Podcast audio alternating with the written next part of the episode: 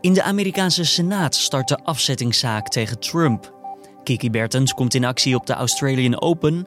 Nederlandse waterpolosters spelen in de kwartfinale op het EK. En een pro-forma-zaak over Ruinerwold. Oftewel, dit wordt het nieuws. Hij kan niet meer praten, niet goed meer communiceren. Uh, via zijn advocaat, uh, uh, die, die heeft wat statement gegeven in de media. En die zegt dus hij kan alleen grommen. Je hoorde rechtbankverslaggever Lisa van der Wal over Gerrit-Jan van D. De vader die verdacht wordt van het vasthouden van zijn familie in een boerderij in Ruinerwold. De rechtbank in Assen buigt zich vandaag over deze zaak. Straks meer daarover. Maar eerst kort het belangrijkste nieuws van nu. Mijn naam is Julian Dom en het is vandaag dinsdag 21 januari. Het tekort aan geneesmiddelen is vorig jaar vrijwel verdubbeld. Dat blijkt uit inventarisatie van apothekersorganisatie KNMP. Een tekort wordt geteld wanneer een geneesmiddel minimaal 14 dagen in heel Nederland niet verkrijgbaar is. En dat was vorig jaar bijna 1500 keer het geval. Er was vooral een tekort aan crème, zalven en lotions voor huidaandoeningen. Verder waren er weinig bloeddrukverlagers te krijgen en medicijnen tegen maagklachten. En dat viel vooral op omdat veel mensen deze middelen gebruiken.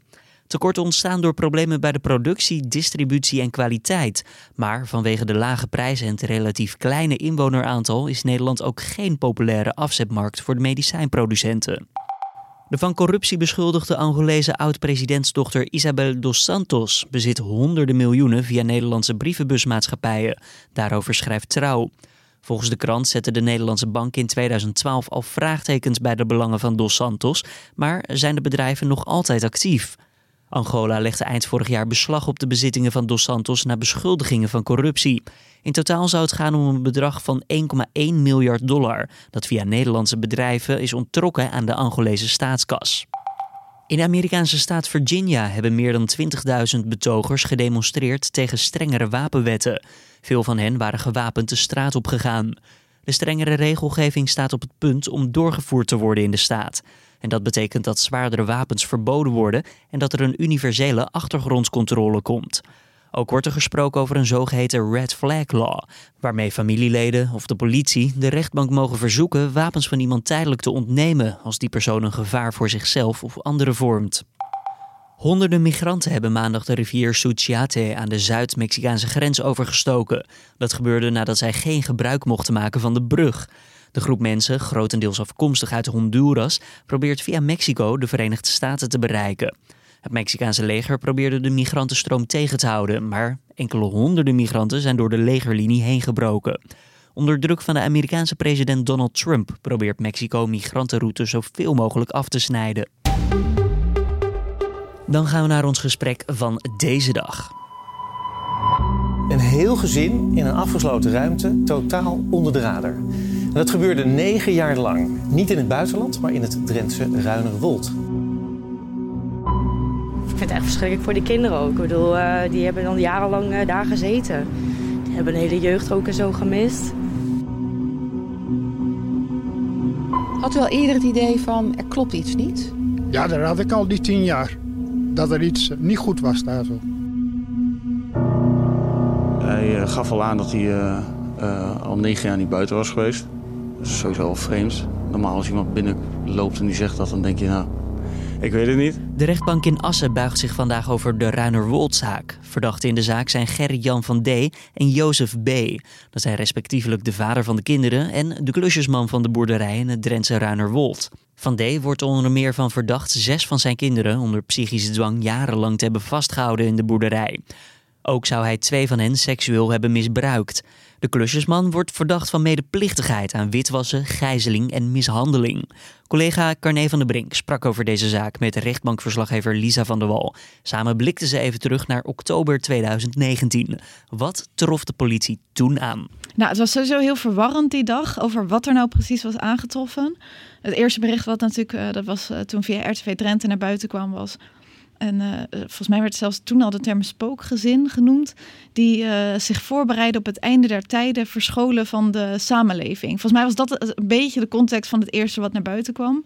Nou ja, nu, daarna volgden uiteindelijk politieberichten en interviews die werden gehouden. En toen werd eigenlijk steeds meer duidelijk over dat daar dus inderdaad gewoon zes kinderen jarenlang verscholen van de buitenwereld hebben geleefd samen met hun vader. Kan je mij en de luisteraar dan een beeld geven van de grootte van het gezin en hoe ze daar ja, in Ruinewold jarenlang in een isolement leefden? Nou, uh, we hebben het hele perceel is daar meteen afgesloten, maar wat we hebben meegekregen van hoe dat eruit zag, was het een, een vrij uh, vervallen boerderij met wat kleinere kamers waarin die kinderen dus zaten. Uh, en, en zij hadden zelf het gevoel dat ze ook niet naar buiten mochten. Dus ze zaten daar dan ook opgesloten.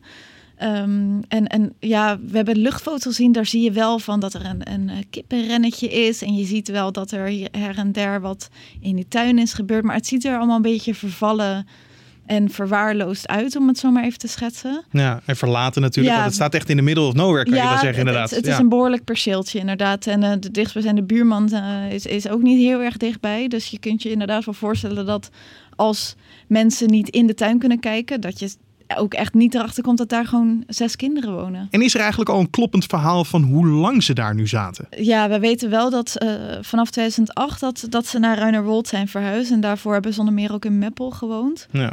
Uh, maar er is nog heel weinig wel bekend over hoe, wat. Uh, uh, kenden de buren ze in andere dorpen wel. Uh, het, het, is allemaal nog erg. Uh, ja, en ik, ik, weet ook nog wel dat dat op dat moment echt wel ook zoeken was en speuren naar hoe kom je erachter, omdat ze dus niet actief waren in de gemeenschap. Ja. En dan had die oudste, oudste zoon van de kinderen die uh, in de boerderij hebben gewoond, die had wel ook sociale media. Die had bijvoorbeeld een LinkedIn en Facebook en Instagram had hij. Ja. Dus het, het, het, was inderdaad echt, ja, heel, heel, heel Nederland was een soort van bezig met een, met een puzzeltje bij elkaar leggen. Ja, denk ja. ik in die weken. Ja. De oudste zoon is uiteindelijk heel belangrijk voor deze zaak geweest. En ook voor de familie. Want hij heeft letterlijk en figuurlijk aan de bel getrokken. Ja, ja, hij was in uh, oktober is hij dus naar een, uh, een lokaal café gaan. En was er op zijn Facebook al een foto te zien van kijk, ik loop in donker in, uh, in Ruinerwold. Had hij wat foto's neergezet. En hij had, hij had op zijn Instagram ook een foto van die kroegbaas staan. En nou is hij uiteindelijk dus ook in gesprek geraakt met die kroegbaas. En die, die vond hem in de eerste instantie, dacht hij van nou, dan ja, een, een zonderling figuur, om het zo maar even te zeggen. Mm -hmm. En uiteindelijk uh, uh, heeft die, die, uh, die jongen heeft dus verteld van... oké, okay, ik maak me gewoon heel erg zorgen om mijn broertjes en, en mijn zusje... die er dus in die boerderij zaten. Um, en, want zij kunnen daar niet weg en ik Ja. maak me gewoon zorgen over ze. En toen noodkreet. Ja. Ja, en toen is eigenlijk de politie ingeschakeld. En vanaf dat moment werd eigenlijk iedereen in Nederland de kok met de COCK, dus de, de regisseur van voorheen. Want iedereen ging speculeren over wat er zou zijn gebeurd en eh, waarom ze daar zaten. Eh, zo waren er verhalen over dat ze bijvoorbeeld bij een secte zouden zitten of dat ze zich aan het voorbereiden waren voor het einde der tijden. Kunnen we zeggen dat we allemaal druk bezig waren met onze eigen filterbubbel? Ja, ook. Ja, want je krijgt ook van iedereen gaat natuurlijk gewoon kijken van hoe kan het dat niemand wist dat die zes kinderen daar zaten. Nou, dan ga je denken, oké, gemeentelijke basisadministratie stonden zij ingeschreven. Eh, zijn er basisscholen waar ze wellicht toch wel op hebben gezeten? Zijn er buren geweest? Ehm, eh, nou, dan kwamen dus bijvoorbeeld ook achter dat die, die vader van die kinderen had nog ergens anders percelen gekocht. Hij had een speelgoedwinkel gehad. Iedereen gaat kijken van, oké, is er een spoor te vinden over deze familie? En dan krijg je dus eigenlijk allemaal een hele hoop kleine brokjes informatie die je dan probeert in een rijtje te zetten. Ja. Maar goed, het, de enige mensen die weten wat daar nu eh, zich heeft afgespeeld zijn die kinderen zelf. En waarschijnlijk heeft de politie en het OM he- begint ook een beter beeld te krijgen. Maar er, er zijn ook nog steeds heel veel vragen. Nee, ik wou net zeggen, er is nog geen kloppend verhaal op dit moment. Nee. In ieder geval niet voor de buitenstaanders. Nee. Nee, want uh, als we het hebben nu over de zaak die nu behandeld wordt rond Ruinerwold. Um, wie worden er momenteel verdacht van een misdrijf? Ja, er, er zijn dus uh, twee verdachten nu. Dat zijn de, de vader, Gerrit-Jan van D. En de, ik noem hem even de klusjesman. Dat was die huurder van, uh, van de boerderij, uh, Jozef B., oorspronkelijk uit Oostenrijk afkomstig. En die kende dat gezin dus al voordat ze naar Ruinerwold verhuisden. Die was vooral bevriend met die vader. En die zijn met z'n tweeën dus verdacht. Nou zijn die, waar ze precies van worden verdacht, komt deels overeen. Maar de vader van de kinderen wordt ook verdacht van uh, uh, misbruik van twee van de kinderen. En die Jozef zou de familie dan tegen hun zin vastgehouden hebben? Nou, hij, hij, was, hij was de huurder van, uh, van, die, van die boerderij. En hij zou dus inderdaad een mede, uh, ja, wederrechtelijke vrijheidsberoving noemen we dat even. Ja. Dat is dus inderdaad tegen de wil vasthouden van die kinderen daar. Precies. Daar wordt die vader ook van verdacht. En dus ook van het mishandelen van die kinderen en het seksueel misbruiken van twee van de oudste kinderen. En dit zijn dan niet de twee oudste van die zes kinderen die in de boerderij hebben gewoond, maar de twee oudste uh, van de drie kinderen in totaal die al het huis uit waren voordat het gezin naar Ruinerwold verhuisde. Ja, natuurlijk. Het is een beetje een lastige op te sommen. In totaal negen kinderen dus. Ja. Uh, drie al uit huis voordat het gezin naar Ruinerwold ging. En twee van die drie oudste dus, die zou hij dus seksueel misbruikt hebben. Ja, uh, als u kan tellen, dan uh, hoop ik dat u het allemaal nog volgt inderdaad. want het is ook wel even goed om te zeggen, is dat ik je nu heel simpel de vraag kan stellen wat, hoe de vader reageert op deze verdenkingen, Gerrit-Jan van D. Alleen dat is niet mogelijk. Nee. Um, er is inderdaad ook inmiddels bekend geworden dat uh, de, de man een uh, hersenbloeding heeft gehad. Um, dus die, um, ja, dat kan bij sommige mensen kan al hele heftige gevolgen hebben. Bij hem is dat dus inderdaad het geval. Hij kan niet meer praten, niet goed meer communiceren. Dus ik heb uh, via zijn advocaat, die, die heeft wat statement gegeven in de media. En die zegt dus hij kan alleen grommen. Dus je kunt je voorstellen dat als het OM hem moet gaan verhoren, dat dat gewoon onmogelijk is. Maar heeft die beroerte al voor dat dit zich allemaal heeft afgespeeld? Dit was tijdens Ruinerwold. Dit is tijdens Ruinerwold. In de Ruinerwold-periode, ja. Ja, dus hij kan alleen maar grommen. Hij moet ze daar verstaanbaar mee maken, maar daar kan je natuurlijk niet echt daar kun je niet, een kijk, verhaal van maken. Nou ja, je kan dus... Uh, ik zag ook sommige mensen, bijvoorbeeld op jij zeggen van... ja, maar je kan toch gewoon ja-nee vragen stellen. Mm -hmm. um, maar een verhoor ja. is meer dan dat. Kijk, uh, even heel uh, simpel gezegd Hè? Ik, uh, stel, er wordt aan hem gevraagd van oké, okay, uh, tegen jouw kinderen uh, zeggen seksueel te zijn misbruikt. Klopt dat? Ja, dat is niet waaruit een verhoor natuurlijk bestaat. Dat, dat, dat kun je niet zo laten, laten plaatsvinden. Dus er wordt nu nog steeds gezocht naar een manier om hem wel te laten verhoren. Er wordt dus op dit moment dus onderzoek gedaan. Maar de vraag is of die man überhaupt terecht kan gaan staan. En deze zaak lijkt me voor het Openbaar Ministerie verschrikkelijk. Want de vragen die je wil stellen, ja, daar krijg je eigenlijk geen goed antwoord op. Ja, precies. En nou weten we ook van het Openbaar Ministerie dat het dus ook inderdaad nog steeds niet is gelukt om hem te verhoren. Dan horen wij vandaag dus tijdens de zitting meer over wat de tussenstand daarvan is, wat, uh, waar ze eventueel nog zicht op hebben. Maar dat, ja, dat laat uh, dus nog even op zich wachten. Laten we dan even overgaan naar de orde van de dag. En dat is dat er vandaag een niet-inhoudelijke zitting op de agenda staat. Wat kunnen we daarvan verwachten? Nou ja, uh, Gerrit-Jan van D is niet aanwezig. Die is uh, lichamelijk niet in staat om daar naartoe te komen. De klusjesman, Jozef B. is er wel, naar alle waarschijnlijkheid. Uh, en mogelijk ook de kinderen. Um, dus, dus uh, dat is wat we nu weten. Um, en wat we ook weten is dat het gewoon een eerste niet-inhoudelijke zitting is. Uh, dus dat betekent dus ook dat er niks inhoudelijks nog gezegd gaat worden. We gaan echt even kijken van wat is nu de tussenstand van het onderzoek. Ten lastlegging zal worden voorgelezen.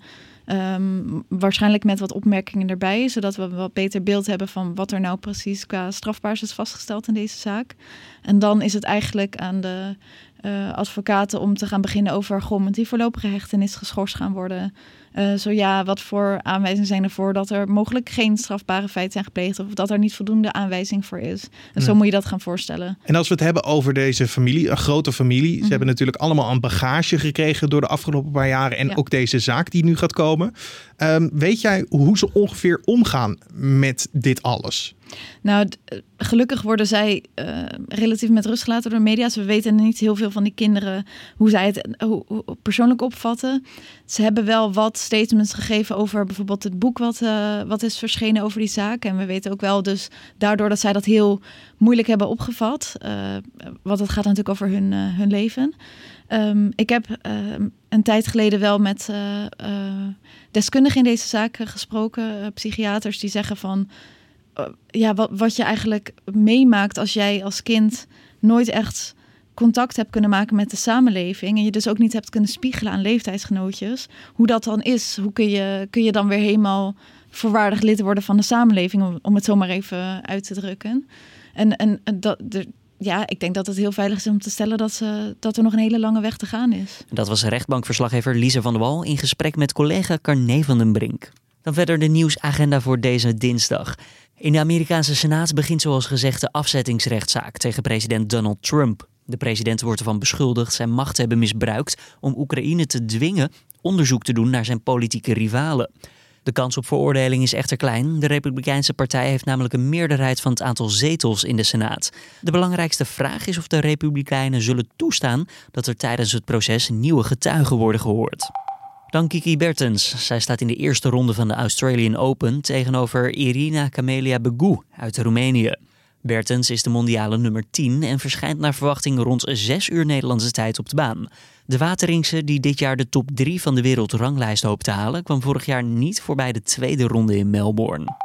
En verder komen de Nederlandse waterpolosters vanaf 7 uur vanavond in actie in de kwartfinales van het EK in Budapest. Ze spelen dan tegen Slowakije. De ploeg van bondscoach Arno Havenga versloeg in de groepsfase overtuigend alle tegenstanders, inclusief topland Spanje. De ploeg is dan ook hard op weg naar een Olympisch ticket. Oranje kan de Olympische Spelen van Tokio halen door het EK te winnen of door de finale te halen tegen Spanje, dat al een startbewijs in handen heeft. Dan nog eventjes het weer van vandaag. In de ochtend kans op dikke en dichte mist. Alleen de noordelijke provincies hebben hier wat minder last van.